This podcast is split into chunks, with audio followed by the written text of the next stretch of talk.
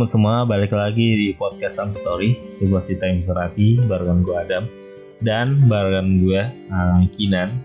Kali ini kita seperti biasa akan menemani teman-teman semua di malam minggu ya, yang mungkin ya uh, lagi bosan bad mood atau nggak tahu ngapain ya, atau lagi mencari sesuatu yang insightful, langsung aja uh, dengerin kita kali ini karena kali ini akan menarik banget episodenya uh, melanjutkan uh, dari dua episode sebelumnya yang mungkin kalian juga udah dengerin ya tentang kuliah di luar negeri. Nah kali ini juga masih berhubungan dengan kuliah di luar negeri dan juga uh, diaspora Indonesia. Kali ini kita akan membahas soal bekerja di luar negeri. Sebenarnya ini part 2 ya gitu. Dari uh, sebelumnya kan ada part satunya. Oke okay. langsung aja mungkin nan detailnya sebenarnya kita akan membahas kayak gimana nih belajar luar negeri atau nah. sebenarnya kamu tuh kan lagi kuliah juga nih ada bayangan nggak sih untuk kerja di luar gitu? Oke, okay. jadi hari ini kayak topiknya kita bakal bahas mengenai bekerja di luar negeri itu gimana experience-nya kayak gitu. Biar listeners kita juga paham kan gimana experience-nya, gimana rasanya gitu, apa apa tantangannya dan lain-lain kalau aku pribadi pengen sih kerja di luar negeri. Kebetulan aku tuh kan jurusan HI ya, hubungan internasional. Jadi adalah pasti keinginan buat kerja di luar negeri ya. But let's see later lah. Kita lihat nanti. Semoga tercapai ya.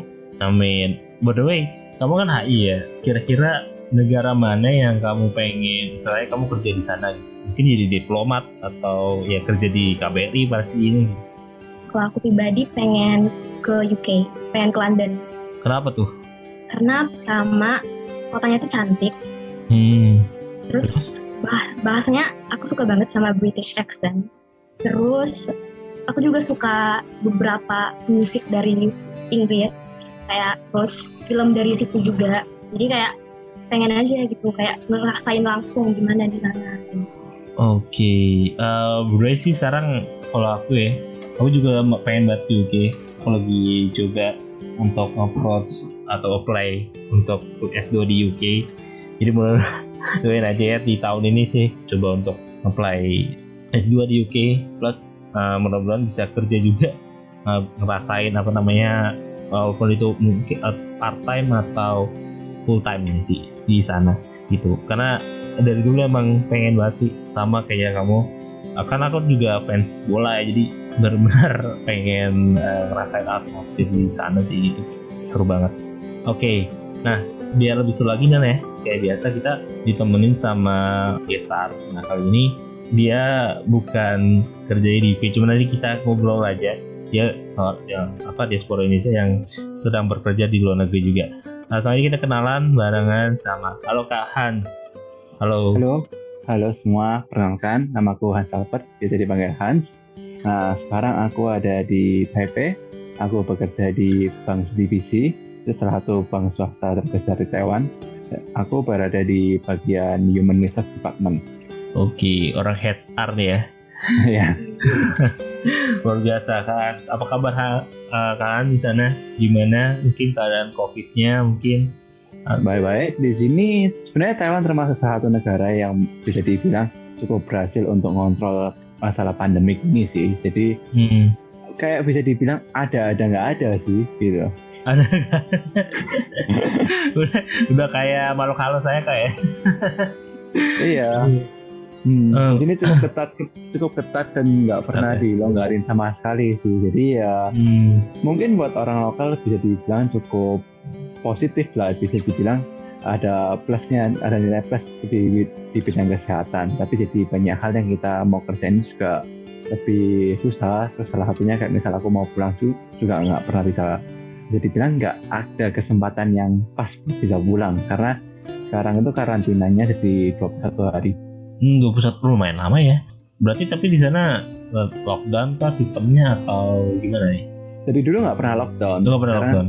Sistem yang dipakai itu mirip kayak ppkm di Indo. Kan sebenarnya ppkm itu kayak menurutku niru dari sini sih.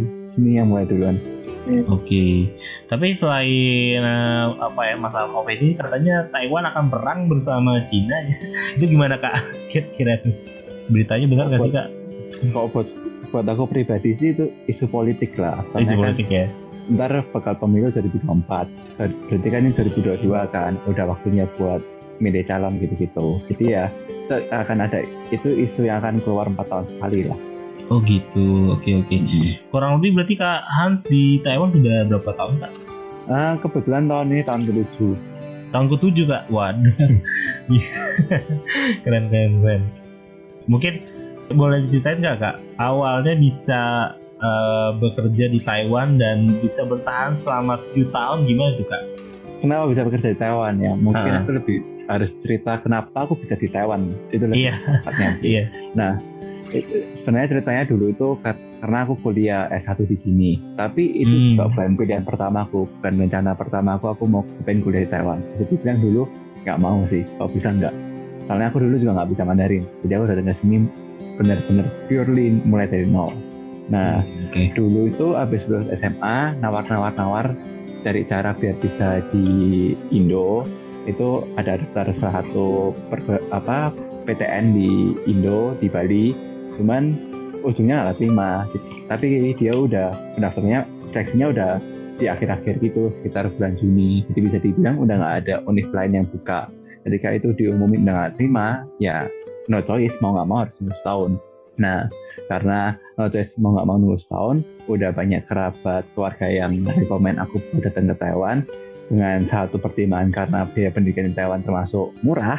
Dengan dibanding sama Indonesia itu nggak terlalu jauh beda bisa dibilang gitu. Bahkan kalau dibanding swasta di Indo malah lebih murah sih. Nah akhirnya ya udah deh coba aja. Karena sebenarnya kalau di Taiwan nih apply apply buat kuliah itu agak beda sistemnya sama di Indo. Kalau di Indo kan kita bisa lebih dibilang terbiasa dengan aku pengen sekolah apa jurusan apa ya apply apa gitu. Tapi hmm. kalau di Taiwan itu uh, nganut sistem yang kayaknya mirip-mirip juga di Cina sih. Itu bisa dibilang kalau di Indo semacam kayak SBMT SBMPTN gitu lah jadi kamu ujian dulu terus milih univ ada berapa pilihan terus terus nilai itu kamu baru oh ya kamu bisa masuk di univ yang mana. Nah bedanya waktu itu aku milih kalau di sini suruh milih 70 pilihan waduh banyak banget hmm. tapi berdua kak kak Hans di Indonesia itu asli mana kak oh asli Malang Oh si Malang. Oh, hmm. Oke oke. Ya, kan dari apa? Oh Arema. dari logatnya ya logat logat Jawa nih. Hmm. Oke kayak hmm, orang mana nih gitu. Yeah. Terus 70 pilihan. Uh, hmm. Itu masih ingat gak kak ini pilihan keberapa yang akhirnya dapat? pilihan yang belasan lah pokoknya. Belasan Karena ya. waktu itu kondisinya juga bahasa kan nggak terlalu bagus. Di nilainya hmm. kalah sama yang lain-lain. Jadi ini pilihan yang belasan dari lesku pribadi itu. Hmm. Berarti kak Hans les uh, bahasa Mandarin dulu atau gimana? Ya karena pengangguran buat ada kerjanya les bahasa Mandarin gitu ya. Karena harus Ya? Oh iya, bet. Berarti hmm. langsung bisa tuh bahasa Mandarin ya? Enggak, enggak bisa apa-apa. Oh. Waduh.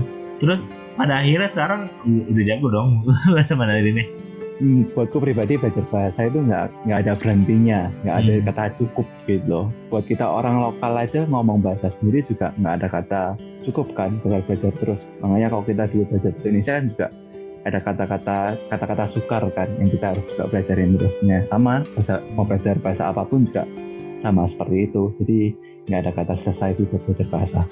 Oke. Terus kira-kira apa sih yang membuat Kak Hans lebih memilih? Istilahnya kan ini asing banget gak banyak orang yang memilih Taiwan gitu ya.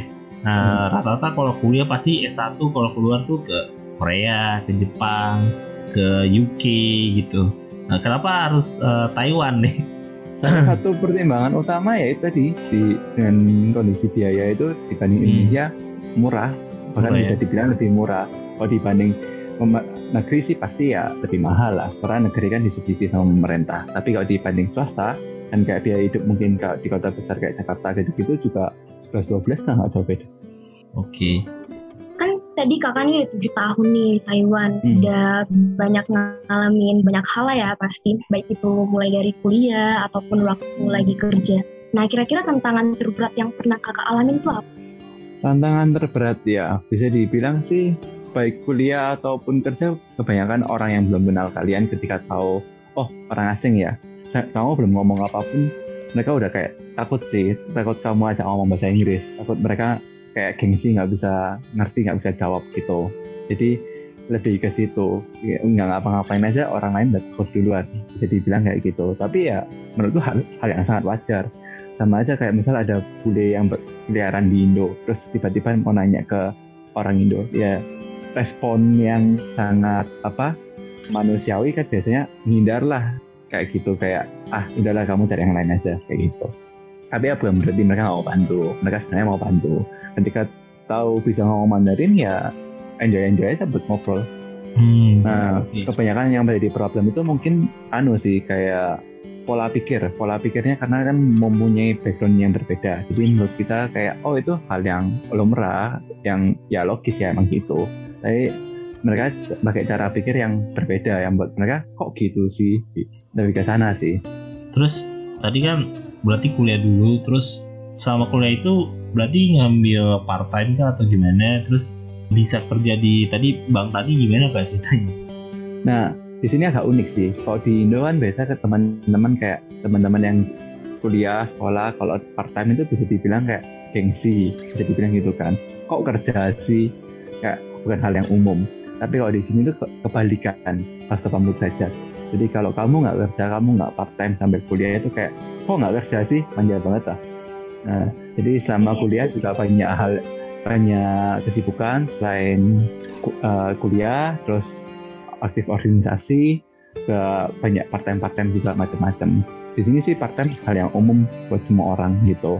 Nah habis itu setelah lulus awalnya sih nggak ada kepikiran buat stay di Taiwan buat kerja di Taiwan. Ya iseng-iseng aja nyoba-nyoba cari gitu kan. Ya menurutku hal yang sangat lumrah biasa orang sebelum kan mau pergi kuliah nih luar negeri. Mereka bakal ngebayangin kira-kira kalau udah lulus bisa ngapain ya? Apa bisa di sana ya? Kayak ya kebanyakan orang-orang berekspektasi pada umumnya lah.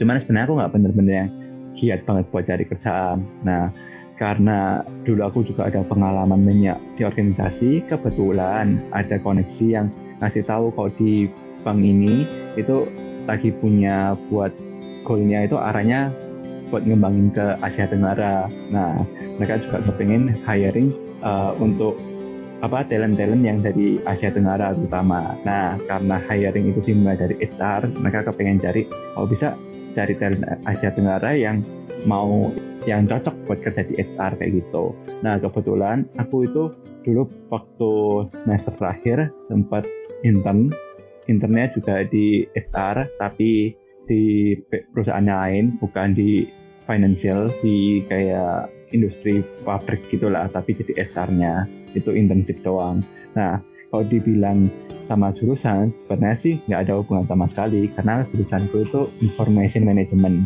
di Indo nggak ada sih ini tapi kalau mau ngomong kasarannya itu kayak belajar coding coding itu tapi ada bisnisnya juga jadi sebenarnya nggak berkaitan sama sekali Hmm, oke. Okay. Tadi berdua kalau uh, kakak bilang information management ya.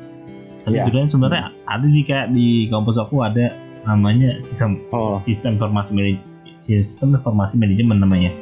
Iya iya. Ah, ah itu lebih ke ah itu lebih ke apa ya? Tadi benar belajar coding coding plus nanti arahnya ada yang uh, profesional biasanya kerjanya uh, teman-teman aku ya di Telkom terus di startup kayak gitu atau hmm. kerjanya di dia buat startup kayak temen aku buat startup namanya teman curhat gitu kayak jadi gitu. Lebih ke sana sih. Uh, terus kenapa akhirnya bisa keterima? Uh, sebenarnya pas apa namanya tahap-tahap pas tesnya di dari perusahaan itu gimana sih kak? Uh, mungkin agak unik bisa dibilang hmm. gitu. Karena kan kita kan aku apply-nya jadi HR biasa yeah. yang seleksi awal kan HR jadi iya. agak, HR, agak terlalu rekod HR gitu ya kak iya.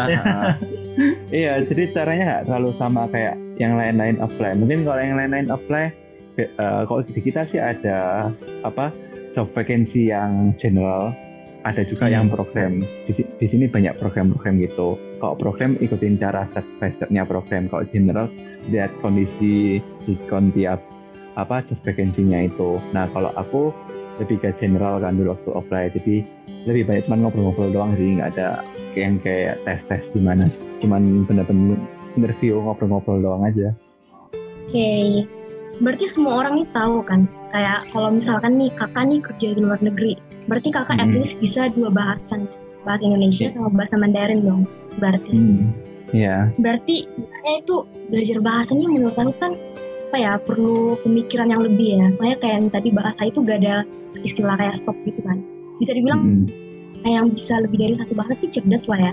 Yang bilingual tuh cerdas. Nah terus mentalnya juga harus kuat nih kalau misalkan kerja di luar negeri.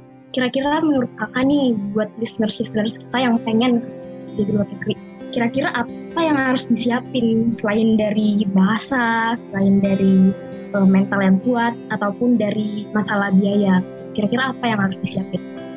Menurutku nggak peduli itu buat alasan kerja atau alasan kuliah atau mungkin ada alasan yang lain belajar bahasa dan lain-lain.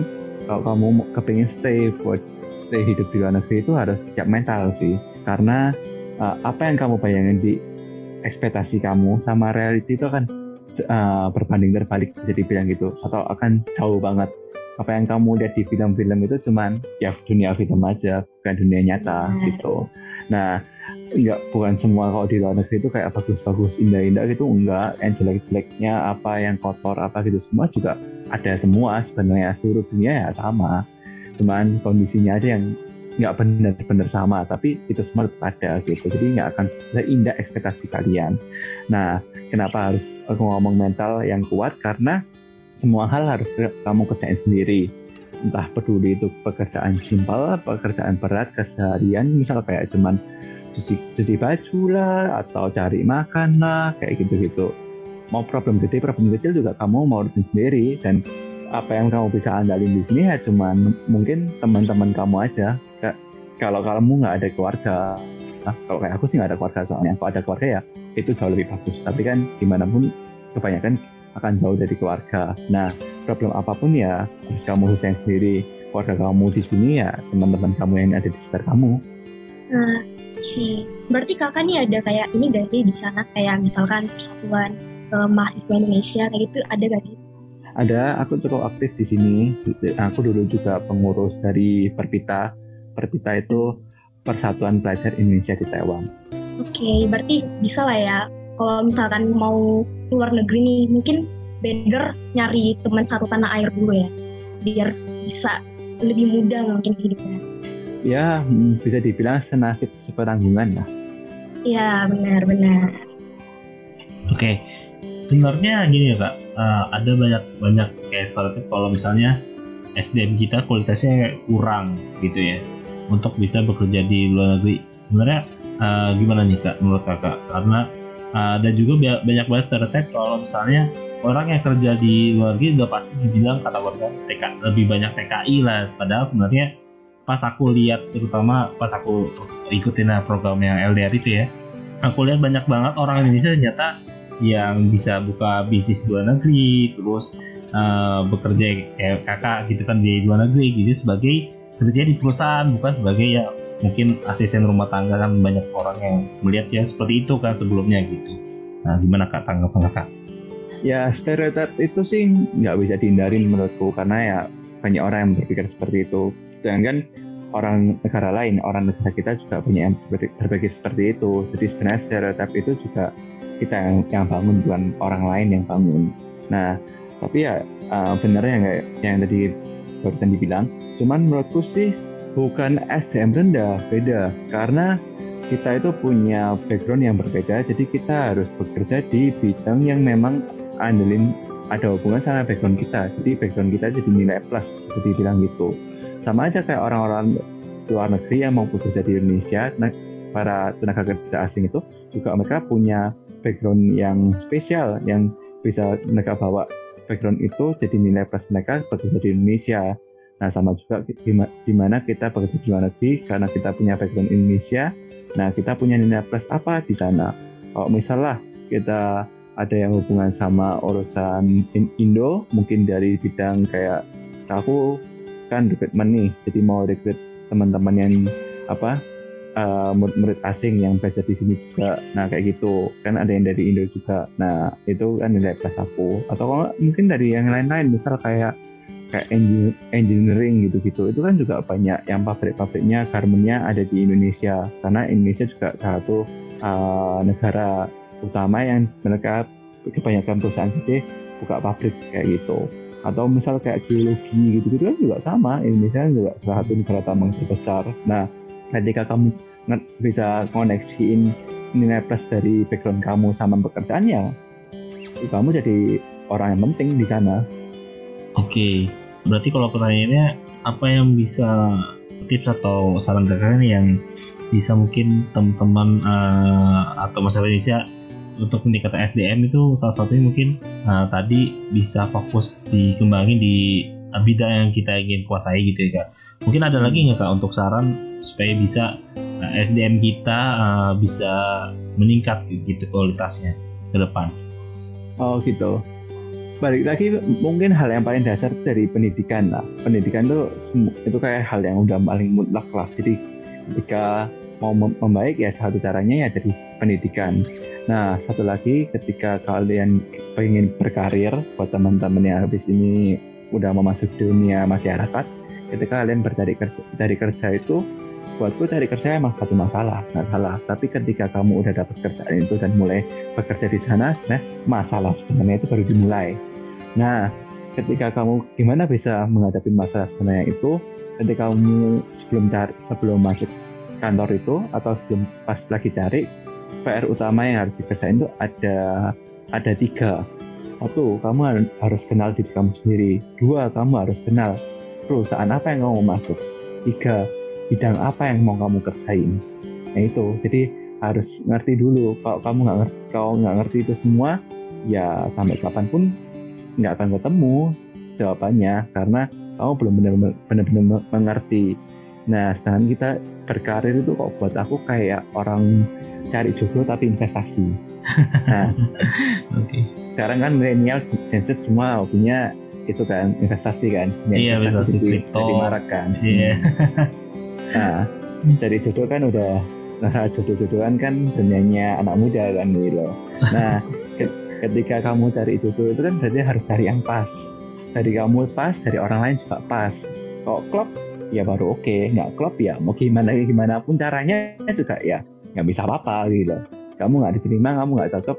Bukan karena kamu kurang tapi ya nggak cocok aja nggak jodoh.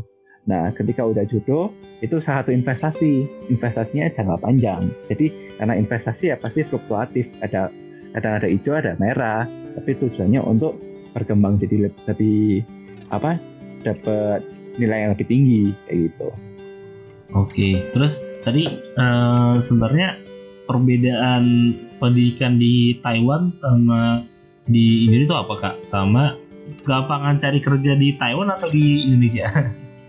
Oke, pastinya gampang di negara sendiri dong, karena yeah. kita gimana pun di luar negeri jadi TKA, TKA tadi yeah. dari segala hal, segala sisi lebih susah. Saya bisa dibilang administrasinya juga lebih susah kan kalau nggak memenuhi syarat belum aku harus surat izinnya bisa kerjanya. Nah terus lowongan kerja yang cocok sama kita kan juga lebih terbatas. Jadi bilang gitu. Nah tentu apa bedanya sih pendidikan di sini dan di Indo? Menurutku sebenarnya kayak cuman ya sistem pendidikan pasti beda. Tapi kalau secara teoritis sebenarnya di Indo itu maju. Bisa dibilang contohnya kayak misal dulu waktu zaman SMA kan ada belajar akuntansi itu nah kalau orang di sini belajar akuntansi itu zamannya pas kuliah. Jadi mereka SMA nggak belajar. Jadi aku pas kuliah belajar akuntansi itu ya kayak mengulang pelajaran SMA cuman ganti bahasa aja. Nah jadi sebenarnya sistem pendidikan di Indonesia itu termasuk salah satu yang yang berat jadi bilang gitu. Itu udah banyak ahli yang ngomong. Nah tapi tujuan kita pertama belajar di luar negeri itu bukan kepengen oh bisa style bisa kayak di luar. Enggak sebenarnya bukan itu juga bukan nggak cinta Indo jadi bilang karena kita kepengen mendapat hal sesuatu yang baru dari dunia yang baru jadi lebih banyak uh, belajar dari sisi kepribadian sih kayak gitu gimana caranya hidup sendiri gimana caranya itu mau ngalah sama orang lain untuk apa minta tolong sama orang lain kayak gitu. Jadi karena kita berada di sini sama-sama nol, sama-sama orang biasa-biasa aja, nggak ada privilege yang sama sekali gitu. Oke. Nah berarti kalau kakak kan nih udah kerja lama ya di Taiwan. Menurut kakak nih, apa kira-kira sebenarnya sistem dari kerja perusahaan yang di Taiwan, di Taiwan itu yang yang bagus dan harusnya ditiru nih sama Indonesia kira-kira ini bagus nih ditiru seharusnya sama Indonesia kira-kira kayak gitu menurut kakak ada nggak? Aku kerja di sini baru aja sih dua tahun terus habis itu kok masalah sistem karena aku kebetulan di company gede dan ini dunia lembaga keuangan jadi bisa dibilang yang cukup uh, dalam tanda kutip ribet lah banyak banget peraturannya kayak gitu. Nah kalau ngomong dari sistem sih mungkin bisa dibilang uh, orang sini suka banget dengan kata-kata belajar. Kayak buat mereka itu gak ada kata selesai untuk belajar. Nah jadi kayak misal aku gini juga masih sering ikut kelas-kelas gitu. Jadi kita training itu bukan orang bisa pengen kan baru masuk kerja terus training. Training selesai ya udah kamu kerja. Kalau di sini enggak kayak biasa ya tergantung skon kamu bisa dibilang gitu. Training itu nggak ada kata kata-kata selesai. Mau jabatan kamu apa mau posisinya kapan waktunya kapan juga akan ada kelas yang di yang kamu harus ikut gitu. Di assign ke kamu. Jadi training itu nggak ada kata selesai. Jadi bisa dibilang kemampuan kita selalu akan improve maju ke depan Berarti itu salah satu yang harus ditiru oleh Indonesia ya. Mungkin lebih ke budaya kerjanya, jangan pernah berhenti buat belajar ataupun buat latihan gitu ya. Nah, kira-kira menurut kakak yang mungkin yang kakak alami ya, separah apa diskriminasi yang pernah kakak alami dan bentuknya itu gimana bentuk diskriminasinya? Hmm, kok mau diomong diskriminasi sih mungkin nggak terlalu tepat. Mereka benar-benar yang diskriminasi karena kalau mau ngomong soal masalah ras mereka juga nggak terlalu ngerti persoalan ras itu seperti apa yang kita ngerti di Indonesia harus dibilang gitu. Mereka itu sebenarnya lebih kayak kok orang asing gitu loh? Terus takut buat ngomong. Ya, ya cuman gitu doang hal yang sangat simpel sebenarnya. Tapi kalau masalah culture shock mungkin bisa dibilang ya kayak aku bilang di awal karena pola pikirnya berbeda jadi kadang untuk masalah untuk ngadepin sesuatu itu kita rasa gini aja udah cukup lah udah oke. Okay. itu nggak masalah. Tapi buat mereka ah, sebenarnya masalahnya di situ. Jadi lebih kayak perspektifnya berbeda gitu aja. Oke okay, terus pastinya akan nanti jadi orang tua. Nah misalnya kalau anaknya ingin bekerja di luar negeri karena alasan tertentu apakah uh, kakak dukung atau gimana nih?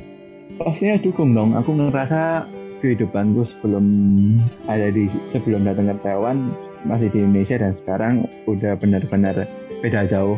Baik dari karena kuliah kehidupan pribadi sampai sekarang kerja juga banyak improvisasi yang jadi lebih baik.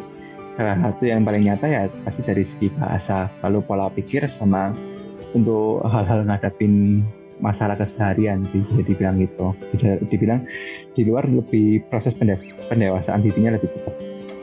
Oke selanjutnya nih kak listeners kita yang dengerin podcast kita hari ini. Kira-kira kakak punya pesan apa buat teman-teman yang pengen kerja di luar negeri? Kira-kira biar mereka nggak ngalamin culture shock nanti di sana kayak gitu. Pesan-pesan apa yang pengen disampaikan Hmm, culture shock itu pasti. Ketika kamu sadar ada culture shock, berarti kamu benar ada hidup di sini.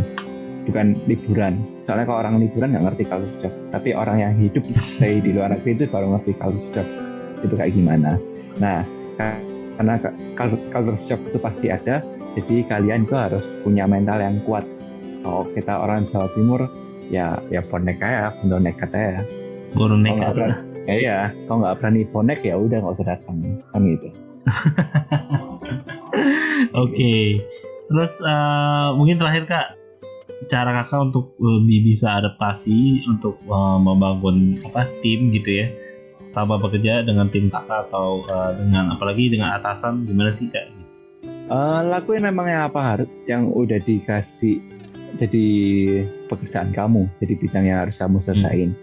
Ketika kamu mau lakuin benar, ya semua akan bisa oke. Okay. tapi karena kita sekarang bekerja bukan kuliah kalau kuliah kan beda nih. Biasa ditunggu tunggu dikasih dosen kerjaan. Nih nih kasih nih kasih PR ya udah kamu kamu kerjain selesai. Nah tapi kalau kerja kerja itu selain dikasih kerjaan sama manajer kita juga harus ada dari diri diri kita sendiri. Oh kita mau buat apa? Ketika kamu punya kebiasaan seperti ini kamu baru bisa improve maju ke depan Oke, okay, berarti sejauh ini juga uh, atasan dan juga koleganya oke-oke kayak. Ya, oke-oke bisa dibilang gitu. Oke, oke, seru banget nih uh, episodenya. Nan, gimana Nan? Oke, okay. buat listeners-listeners kita yang dengerin podcast hari ini, yang pengen banget kerja di luar negeri, semangat. Uh, semangat buat mengasah skill kalian. Karena kayak yang tadi kata kata Kak Hans kita tuh harus punya nilai plus yang bisa kita tawarkan ke perusahaan yang kita pengen kayak gitu. Terus kalau kita pengen keluar negeri juga kerja di luar negeri khususnya buat stay di sana kita harus siap sama realita yang kita nggak ekspektasikan sejak awal. Karena luar negeri tuh nggak seindah kayak film-film ya kak. Kayak hmm. nggak hmm. seindah itu. Banyak hal yang bakal nggak diekspektasikan datang kayak gitu nah mungkin bisa lebih diasah lagi mentalnya biar lebih kuat lagi. Buat teman-teman yang pengen kerja di luar negeri semangat. Semoga siapa ya ke mana kalian pengen coba semoga lolos-lolos saja. Amin. Amin. Dan ini luar biasa banget penjelasan perspektif dari tahan. Saya semoga teman-teman bisa dapat insight uh, full dan makin bisa semangat ya kalau misalkan mau kerja di luar negeri ini. Terus mungkin kalau misalnya ada teman-teman yang pengen penasaran ikutin kegiatan Hans di Taiwan ya uh, bisa ke mana kan Instagram? Mungkin ada ada sesuatu juga mungkin yang bisa di share juga di selain Instagram. Boleh silahkan aku juga salat aku aktif di Instagram. Instagram aku Hans underscore Albert. Hmm, welcome banget buat follow. Atau platform lain seperti Facebook atau LinkedIn punya kita CTBC Careers. Itu kalian bisa lihat ada lowongan apa aja di sana? Ada open recruitment apa aja terutama untuk IC program. IC itu International Southeast Asia. Nah program ini baru ada setelah aku masuk. Tujuannya untuk rekrut teman-teman yang asalnya dari Asia Tenggara teman Oke, mungkin juga mungkin kalau misalkan teman-teman bisa nanya lebih lanjut juga di tadi di Instagramnya Kak Hans ya untuk hmm. uh, rekrutmen ini. Oke, seperti biasanya teman-teman semua buat yang ingin podcast Sam Story tetap jalan nemenin kalian, boleh nih kalau kalian ada ide dan mau podcast Sam Story ngebahas ide kalian itu, nah kalian bisa um, senggol di IG kita di at podcast underscore story dan juga bisa melalui email kita di podcastsamstory at gmail.com. Oke, okay, thank you buat teman-teman yang udah menonton podcast Sam Story episode ke-59 bersama Kak Hans and see you in the next episode. Dadah!